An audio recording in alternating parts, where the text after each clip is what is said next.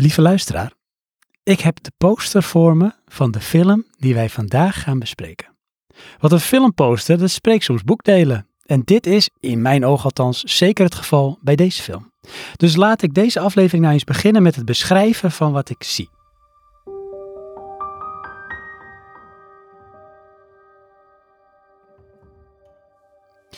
De poster is helemaal zwart, waarin alleen een dame verlicht te zien is. Wij kijken naar haar van beneden af en door het camerastandpunt lijkt zij een reus en wij als toeschouwers slechts nietig kleine beestjes. Het doet megalomaan aan. Ze heeft een dirigeerstokje vast in een verder heftig dramatische pose. Helemaal bezeten lijkt ze, alsof ze opgaat in het moment.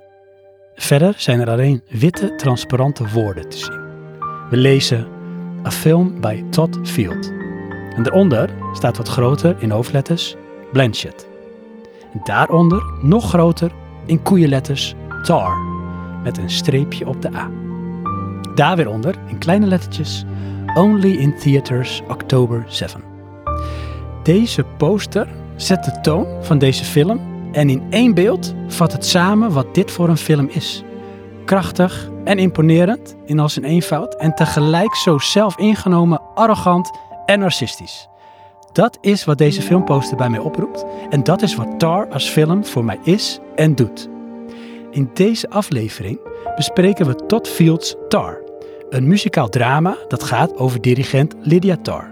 En mocht je nou nog niet weten wie Lydia Tar is en heb je deze film nog niet gezien, zou ik je willen vragen om de verleiding te weerstaan dit te gaan googlen en eerst de film te gaan kijken. Voor dit alles luister je uiteraard eerst deze aflevering van de Filmblik.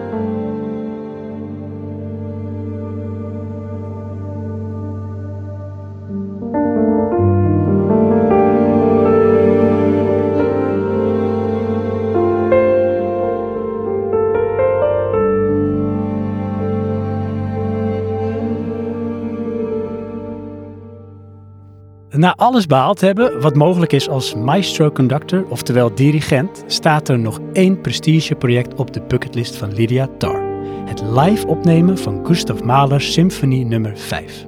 Maar met de zelfmoord van een veelbelovende opkomend dirigent Krista Taylor wordt langzaam maar zeker duidelijk dat Lydia's weg naar haar behaalde faam er niet een is met een schoon blazoen. En dat dit alles met een prijs komt. Tar kwam in Nederland uit op 2 maart 2023 en duurt 2 uur en 38 minuten.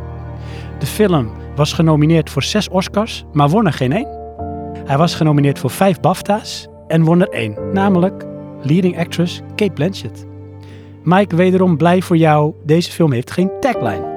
Oh, maar je kunt er vast alleen verzinnen, dus ik ben heel erg benieuwd. uh, regisseur en schrijver Todd Field. En interessant van deze man is dat hij eigenlijk vooral bekend is als acteur. Hij heeft in 41 films geacteerd. Verder heeft hij vijf films geproduceerd, zes geschreven, voor onder andere deze. En met deze erbij 11 films geregisseerd. En dit was zijn eerste eh, serieus grote film in 15 jaar. En hij denkt ook wel voorlopig of misschien wel voorgoed zijn laatste, omdat deze film zoveel van hem heeft gevraagd. Een soort magnus opus van zijn uh, werk. Uh, interessant detail, executive producer Kate Blanchett. Cinematograaf van deze film is Florian Hofmeister, die we ook kennen van de serie True Detectives. En de muziek is gemaakt, en dan de score, want er is heel veel muziek in deze film, veel klassieke muziek. Maar de score van deze film is gemaakt door Hildur, en daar komt hij, Guanaditor of Guanatitor. Ik spreek het waarschijnlijk helemaal verkeerd uit. Die we kennen van Joker, Chernobyl en Women Talking. De film die kostte 25 miljoen dollar om te maken en hij bracht slechts tot op dit moment 24 miljoen dollar op. In de hoofdrol hebben we Kate Blanchett als dirigent Lydia Tarr. Verder hebben we Naomi Merland als Francesca Lentini, Nina Hoss als Sherian Goodnow, Sophie Kauer als Olga Metkina. En eh, dat is wel interessant. Sophia Kauer die speelt dus een uh, celliste in deze film. En zij is ook van origine professioneel celliste. En zij is uh, door uh, ja, een beetje motivatie van een vriend is zij auditie gaan doen. En heeft zij zichzelf leren acteren door te kijken naar YouTube tutorials die gegeven werden door Michael Caine. En uh, als laatste wel een bekend gezicht voor veel mensen is Mark Strong als Elliot Kaplan.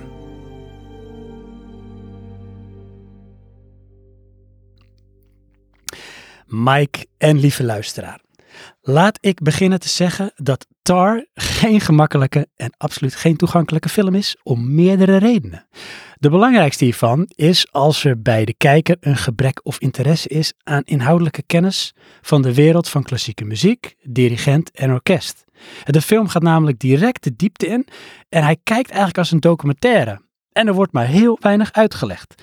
Tijdens de opening van de film zien we een bijna 15 minuten durend interview met Lydia Tarr door de New Yorkse reporter Adam Gopnik. En hierdoor kan het al heel snel gaan duizelen en raak je wellicht de draad kwijt. Dit gebeurde bij mij ook en ik weet ook zeker, Mike, dat dit bij jou ook het geval was. Maar voordat jij hier antwoord op geeft, wil ik tegen jou, lieve luisteraars, zeggen: laat dit nou niet de reden zijn om deze film niet verder of überhaupt te gaan kijken. Want er is echt zoveel te ontdekken in dit muzikaal drama. Ja, het is echt de langzaamste slow burn van slow burns uh, die je kunt bedenken. En ja, het is op momenten onafvolgbaar.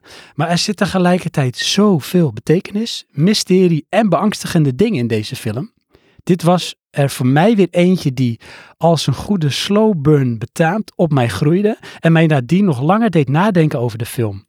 Het deed me in bepaalde opzichten sterk denken aan Black Swan van Darren Aronofsky. Dit is er zo eentje, zoals ik dat wel eens gekscherend zeg, die ik mee naar bed neem.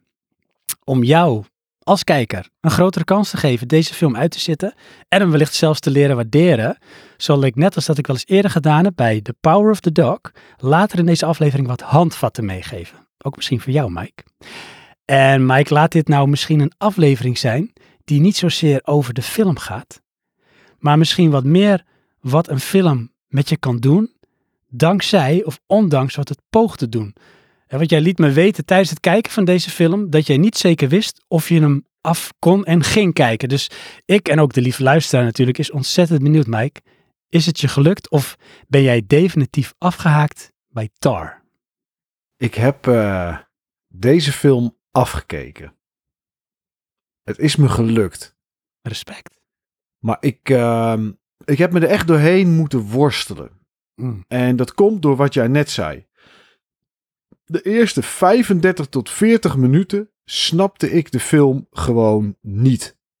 Mm. En niet Precies zelf, toch? Ja, en niet omdat het dan uh, een film is zoals, noem maar iets van, van Christopher Nolan of van M. Night Shyamalan. Dat je denkt van, ik snap niet wat er gaande is. Maar ik snapte gewoon niet waar ze het over hadden. Ze hadden het over termen uit de klassieke muziek en over dirigeren. Ze hadden het over namen. Uh, Beethoven en Mozart, dat ken ik dan nog. Uh, en Chopin of zo. En, maar daarna ben ik het kwijt. En dan gaan ze daar dus over praten en over discussiëren. En ik snap gewoon niet wat ze zeggen. En dan vind ik 40 minuten van, ik weet niet hoe lang die duurt, volgens mij twee uur, drie kwartier.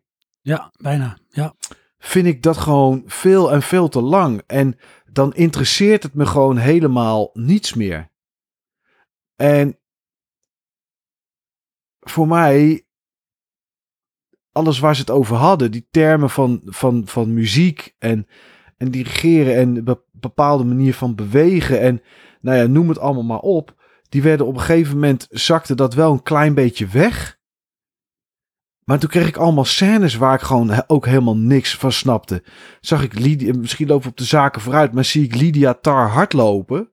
Mm Die hoort iemand gillen ergens. Die gaat dan in dat park een beetje kijken waar het is. En dan is de scène afgelopen. Mhm. Ik heb niet gezien wie er aan het gillen is, waarom niet. Ik heb niet gezien of zij. Het zou ook zomaar kunnen zijn dat ze, zich, dat ze daarvan wegliep. Dat zou ook nog kunnen. Kijk, ik, ik kan wel iets bedenken wat daar misschien gaande is. En misschien wil, ja, wil men dat ook wel. Hè? Misschien ja, is, dat, is dat wel de bedoeling, zeg maar, van, van, van, van Todd Field? Dat zou kunnen. Maar ik weet het niet. En dan denk ik, ja, waarom kijk ik hier naar? Hm. En dat dus is. Dus laat ik zo zeggen, het, het nodigde daarin niet uit tot. Hm, oké, weet je, wat is de reden dat hij dit doet? En dat het juist misschien dat interessanter maakt. Het, het werkt averechts voor jou. Dan is het van ja, nee, ik, het slaat eigenlijk nergens op. Ik kan het niet plaatsen. Waarom is dit? Nou, de toon Het was is gewoon al- samenhangend. de toon was al gezet. Omdat eigenlijk wilde ik gewoon na die 35, 40 minuten... wilde ik gewoon niet meer verder kijken. En ik denk, ja, als ik hier naar moet gaan zitten kijken... Mhm. Ja, eh, waarom zou ik dit doen? Ik snap niet eens wat je zegt. En ja, dan is, dan is de, de, de zin is eruit. De zin om verder te kijken. Ik heb het wel gedaan. En na één uur en een kwartier, volgens mij, dus ongeveer op de helft of zo van de film, gaat het een beetje een andere richting op. Mhm. Nog steeds de sumier. En als ik één uur en drie kwartier heb zitten kijken naar iets waar ik niet zoveel van snap. Ja, dan is de film me kwijt. En dan, dan heb ik eigenlijk heb ik zoiets van: oké, als jij één uur en een kwartier er niet voor wil zorgen dat ik als leek in deze muziekwereld ook maar snap wat je bedoelt, dan als jij niet dat in mij wil investeren als kijker, dan ben, heb ik als kijker ook geen zin meer om mijn tijd te investeren in wat jij nog te laten zien eh, hebt eigenlijk de rest van deze Ja. En dan haak je af. Dan haak ik af. Dan haak Ja. ik mentaal af. Dan Ja. heb ik geen zin meer om de moeite voor te doen. Want ik heb ook niet het gevoel dat die moeite voor mij wordt gedaan. Om toch als leek er iets van te snappen. En tuurlijk snap ik het verhaal aan het einde van de rit. Hè, want ik, wat ik zeg, ik heb hem wel afgekeken. En tuurlijk snap ik waar Lydia Tar doorheen gaat. En wat er gebeurt en zo. Alleen, er ontbreekt ook gewoon heel veel. En ja, daar, dat, dan, dan laat dan maar. Ja. Hm. Nou, ik heb hier een aantal scènes die eh, bepalend zijn in die film. Maar ik denk dat het misschien handiger is om eerst eens even naar een segment te gaan. Wat ik net benoemde. Oh, ik En dacht dat naar segment? de reclame. Want dat zou ik wel heel interessant vinden. Nee, ehm, ik wil jou, jullie eh, aanmoedigen om deze film een kans te geven. Nou, jij hebt het al gedaan, Mike. Ik vind het chapeau sowieso dat je hem hebt uitgezeten. Zeker als je dan eigenlijk met tegenzin zit te kijken. Ja, maar, de, even de vraag terug. Jij zegt, ik had dat ook. De eerste 35, 40 minuten snapte ik ook bijna niet Zeker. van waar het over ging. Zeker weten. Toch, en ik had wel zo'n voorgevoel, ben jij, want anders ga je geen handvatten maken van hoe kan je deze film nou kijken, zodat je hè, er een ultieme ervaring uit kan halen. Toch vind jij dit, en je hebt het nog niet gezegd, maar ik vul het voor je in, want ik weet het gewoon, een geweldige film. Ja, geweldig. Ja, ik vind het wel echt een goede film. Ja, Ik snap voor mijn gevoel wat regisseur Todd Field hier wil doen. Laat ik zeggen dat voor mij valt het kwartje en dan is het niet van, oh, ik snap de film, maar bij mij viel hij. Bij mij, eh, ja, kwam hij binnen. kwam die binnen, ja, kwam Ja. die aan. Ja, en dat is dus wat ik Maar dat gedaan heb. dat was niet na deze 35, 40 minuten dan, denk ik. Nee, nee, maar dat wordt duidelijk ook in de stapjes die ik beschrijf. Hmm. Oké. Kijk, want hè, om kans van slagen wellicht iets groter te maken en je door deze film heen te loodsen, waarbij je de kwaliteit en talent van Todd Field als regisseur en Kate Blanchett als actrice gaat inzien en waarderen, heb ik dus een segment gemaakt en dat noem ik Hoe overleef ik Tar? yes, vier stapjes. Oké, ik heb van tevoren nog één vraag. Dat mag. En jij gaat zeggen ja. Ja. Is, is een film het wel waard als je er zoveel moeite voor moet doen om, om, om aan de hand van eventuele stappen en, en handleidingen, survival kits en, en, en, en EHBO-dozen, dat je die nodig hebt om twee uur en drie kwartier naar iets te gaan zitten kijken wat dan nog steeds tegen kan vallen. Is deze film zo goed dat mensen dit moeten doen? Of is dit hetzelfde als bier drinken? Je eerste smaakt nooit lekker, maar je tweede wel. Dus weet je, ga er maar even doorheen en dan zal je het geweldig vinden. Beide interessante en hele extreme proposities. Ja, snap ik. en uitgangspunten. Dus daar kan ik geen ja of nee op zeggen, want het is te gekleurd vanuit één kant. Laat ik zo zeggen. Kijk, ehm, er is nu denk ik al, en we zitten al een aantal minuten in deze opname, wel een goed beeld van wat voor soort film dit is. Dit is niet een Marvel film. Dit is niet een feel-good film. Dit is best wel, ja, ik wil niet zeggen intellectueel, want dat klinkt zo arrogant, maar dit is een film waar je dus inderdaad, deze film maakt het je niet makkelijk. Laat het zware kost. En Het dan is niet, zware kost, En dan niet zware kost omdat het per se emotioneel zwaar is. Nee, Maar het is zware kost om het te begrijpen. het is een beetje... Ik ben nu een boek aan het lezen, een science fiction boek, en ik snap er geen reet van. En dat komt omdat die man gewoon te moeilijk schrijft.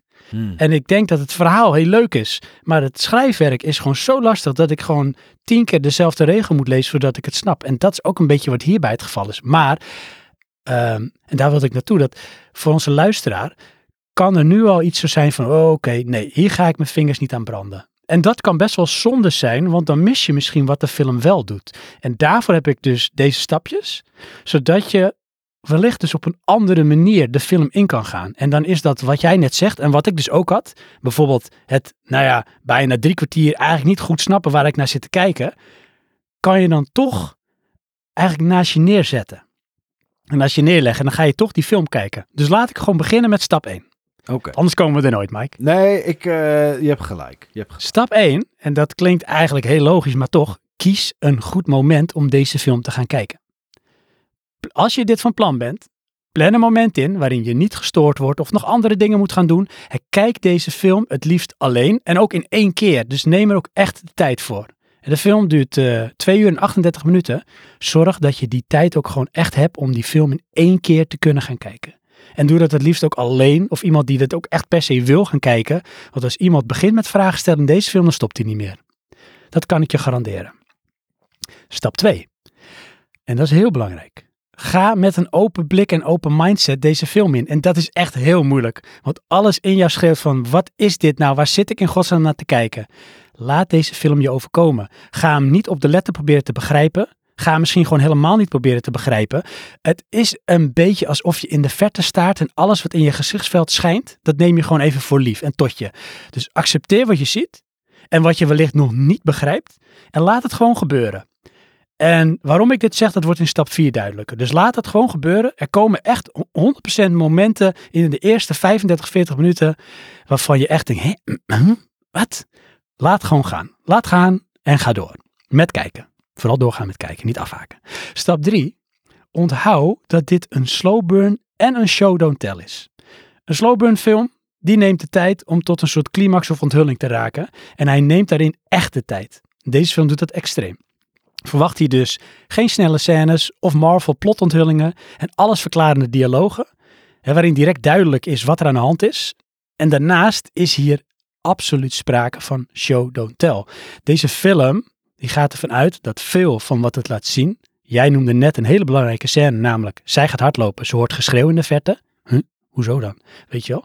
Eh, deze film gaat ervan uit dat veel van wat het laat zien uiteindelijk zal gaan landen en geïnterpreteerd wordt door de kijker, zonder dat dit door dialogen of beelden gelijk of überhaupt verklaard wordt.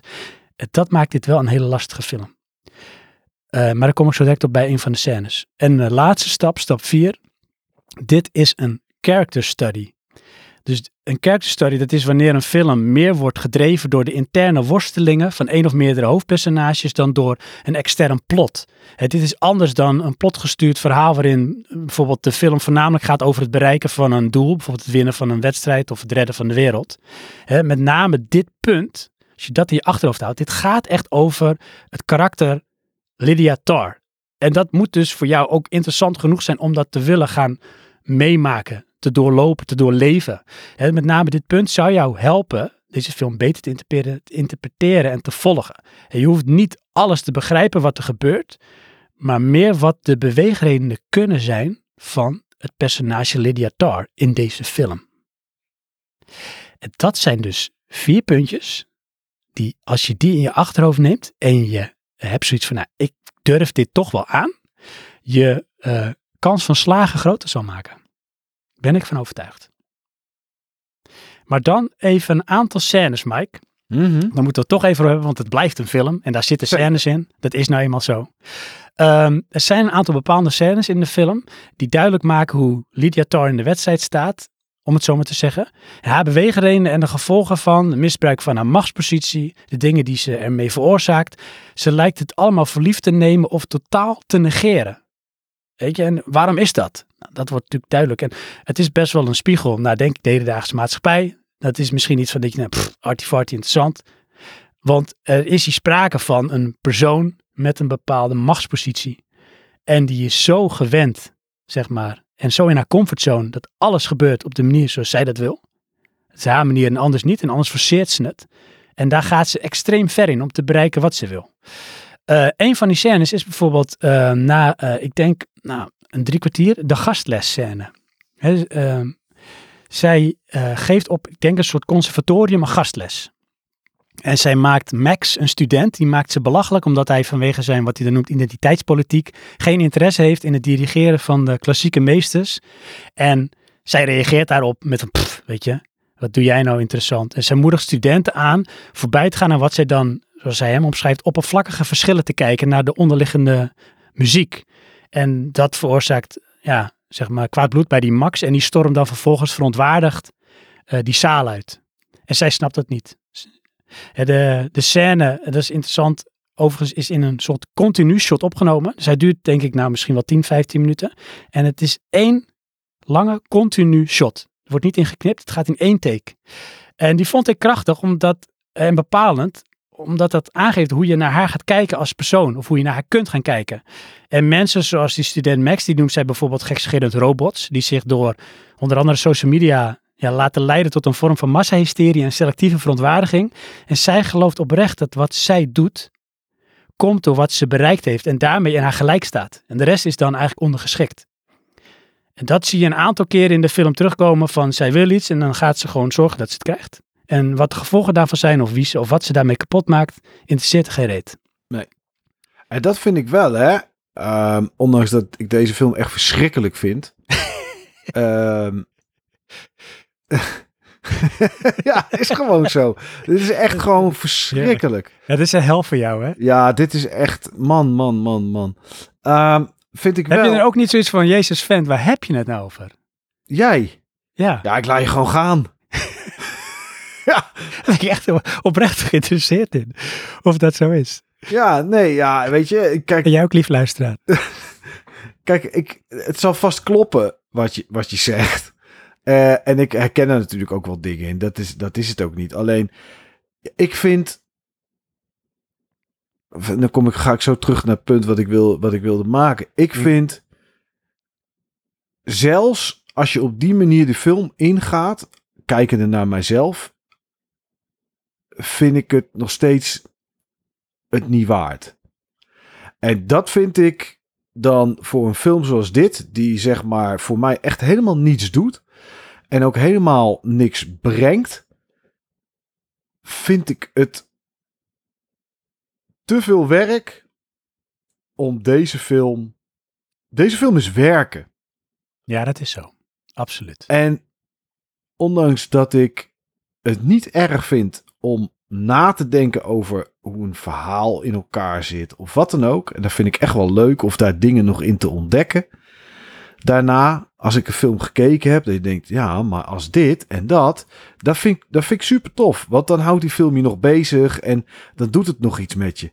Maar ik, ik moet hier gewoon een studie gaan volgen om, om te snappen wat zij zegt. En het zijn niet alleen de eerste 40 minuten. Het is ook die scène die jij net omschrijft met die, met die Max. eh, met die donkere jongen.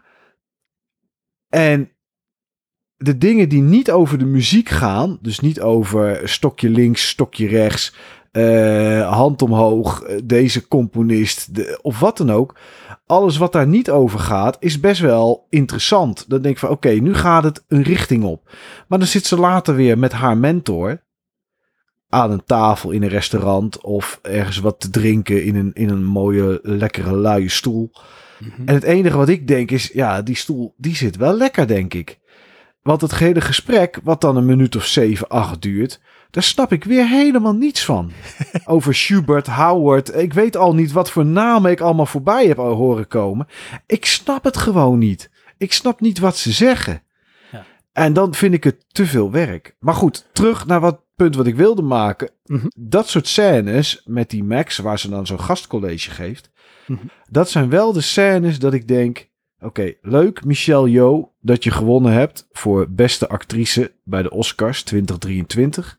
En ondanks dat ik deze film niet tof vind, dat ik er voor de helft of meer dan de helft niks van begrijp, vind ik eigenlijk wel dat Kate Blanchett deze Oscar had moeten winnen voor haar rol als Lydia Tarr. Ja, vind ik ook. Want Zeker. zij is Lydia Tar. En ik ken Ja. Lydia Tar niet. Ik, weet, ik, ik heb niet eens gegoogeld of het iemand is die echt bestaat. Ik gok van wel.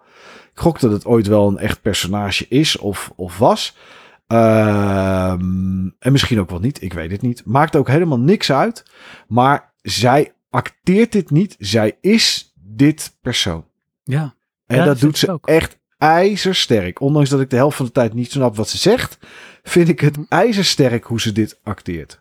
ja nee, helemaal mee eens. En dat is het ook. Kijk, ik had het ook hoor. 90% van wat zij zegt in dialogen met mensen, het interesseert me misschien niet eens zoveel. Ik snap het ook niet. Ik ga het ook niet proberen te snappen. Dat liet ik op een gegeven moment los. Maar ik zag wel dat dat soort scènes, die vinden wel plaats met een reden. Weet je, ze hebben op een gegeven moment bepaalde gesprekken met bepaalde mentoren, eh, mensen met een bepaalde positie, eh, die iets kunnen zeggen over bijvoorbeeld het orkest dat zij wil gaan leiden om die live-opname te kunnen gaan doen.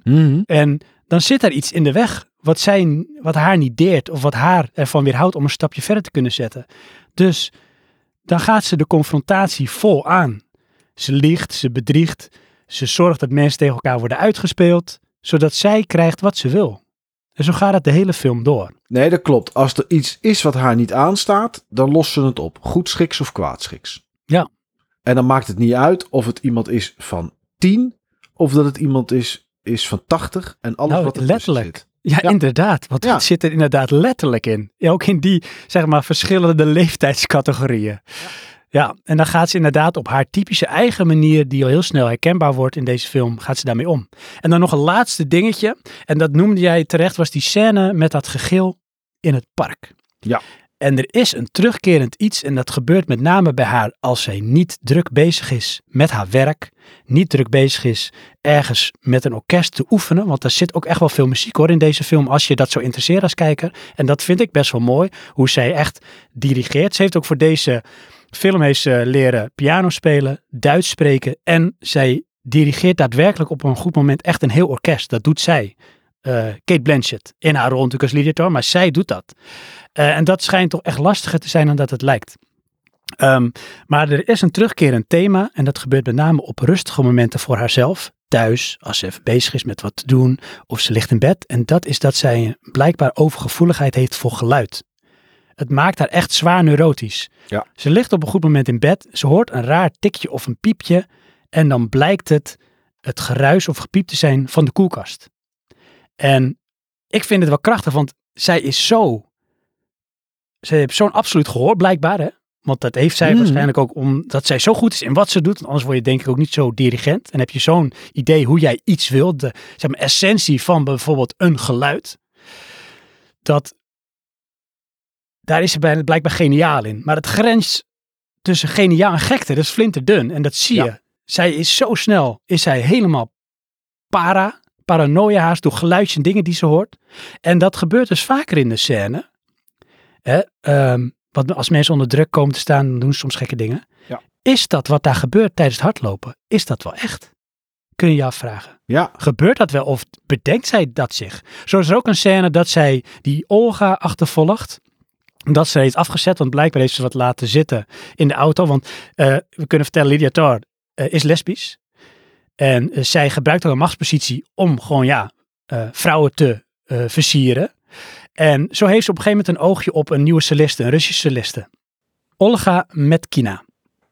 mooie naam. En die ziet zij wel zitten. Dus zij gaat proberen haar wat ja, voordeeltjes te geven, dingen te gunnen. Ook bij een soort auditie waarbij toch eigenlijk de vaste cellist het zou krijgen. Nee, dan moet er in één keer een auditie worden gedaan. En dan weet je het al, het wordt die Olga, want daar heeft zij een oogje op. En op een goed moment dan zet zij die Olga bij haar thuis af, bij Olga thuis. En dan is ze iets vergeten in de auto en dan loopt ze erachteraan. En dan raakt ze, terwijl ze erheen loopt, daarbinnen, er is een soort pleintje, raakt ze de weg kwijt. En dan gebeurt er iets. Is dat wel echt gebeurd? Of is dat ook iets? En daarom deed deze film op bepaalde opzichten denken aan Black Swan. Zijn dit zeg maar de soorten met kronkels in haar hoofd die wij zien als kijker? Of gebeurt dit daadwerkelijk? Ja, dat is, ehm, ja, dat is aan de kijker. Dat aan de kijker. Ja, ja, ja, ja, ja, ja, daar kunnen we niks over zeggen. Maar het is wel, eh, ja, het, het zijn wel de wat interessantere momenten. Dat is, dat is zeker zo. Ja, ja en dat is allem, alles wel een beetje omtrent haar psyche hoor. Eh, er wo- lijkt ook af en toe alsof er een beetje mee gespeeld wordt. Of misschien juist niet. Dat ze het zelf gedaan heeft. Of ja, daar zit, iets, daar zit iets raars aan. En dat was dan ook net genoeg voor mij om hem toch af te kijken, zeg maar. Soms laat iets je niet los en kun je erdoor geobsedeerd raken. Dat is zeker het geval bij Lydia Tarr, maar in zekere zin ook bij mij. Door, tijdens en na het kijken van Todd Fields Tar. En ja, taai is misschien nog wel zacht uitgedrukt als het gaat om het kijken naar deze film. En Mike noemt al terecht hard werken. Maar als het je lukt om de stapjes te volgen die ik benoemde en je niet, zoals Lydia Tarr zelf, je laat misleiden door wat je ziet, dan kun je het regietalent zien en waarderen dat Todd Field is. En het acteertalent dat Kate Blanchett heeft. En hoe knap dit verhaal eigenlijk in elkaar zit. En misschien, heel misschien dan, kruipt deze film ook onder jouw huid. En denk je nog wat langer na over de beweegredenen van Lydia en de schoonheid van deze film.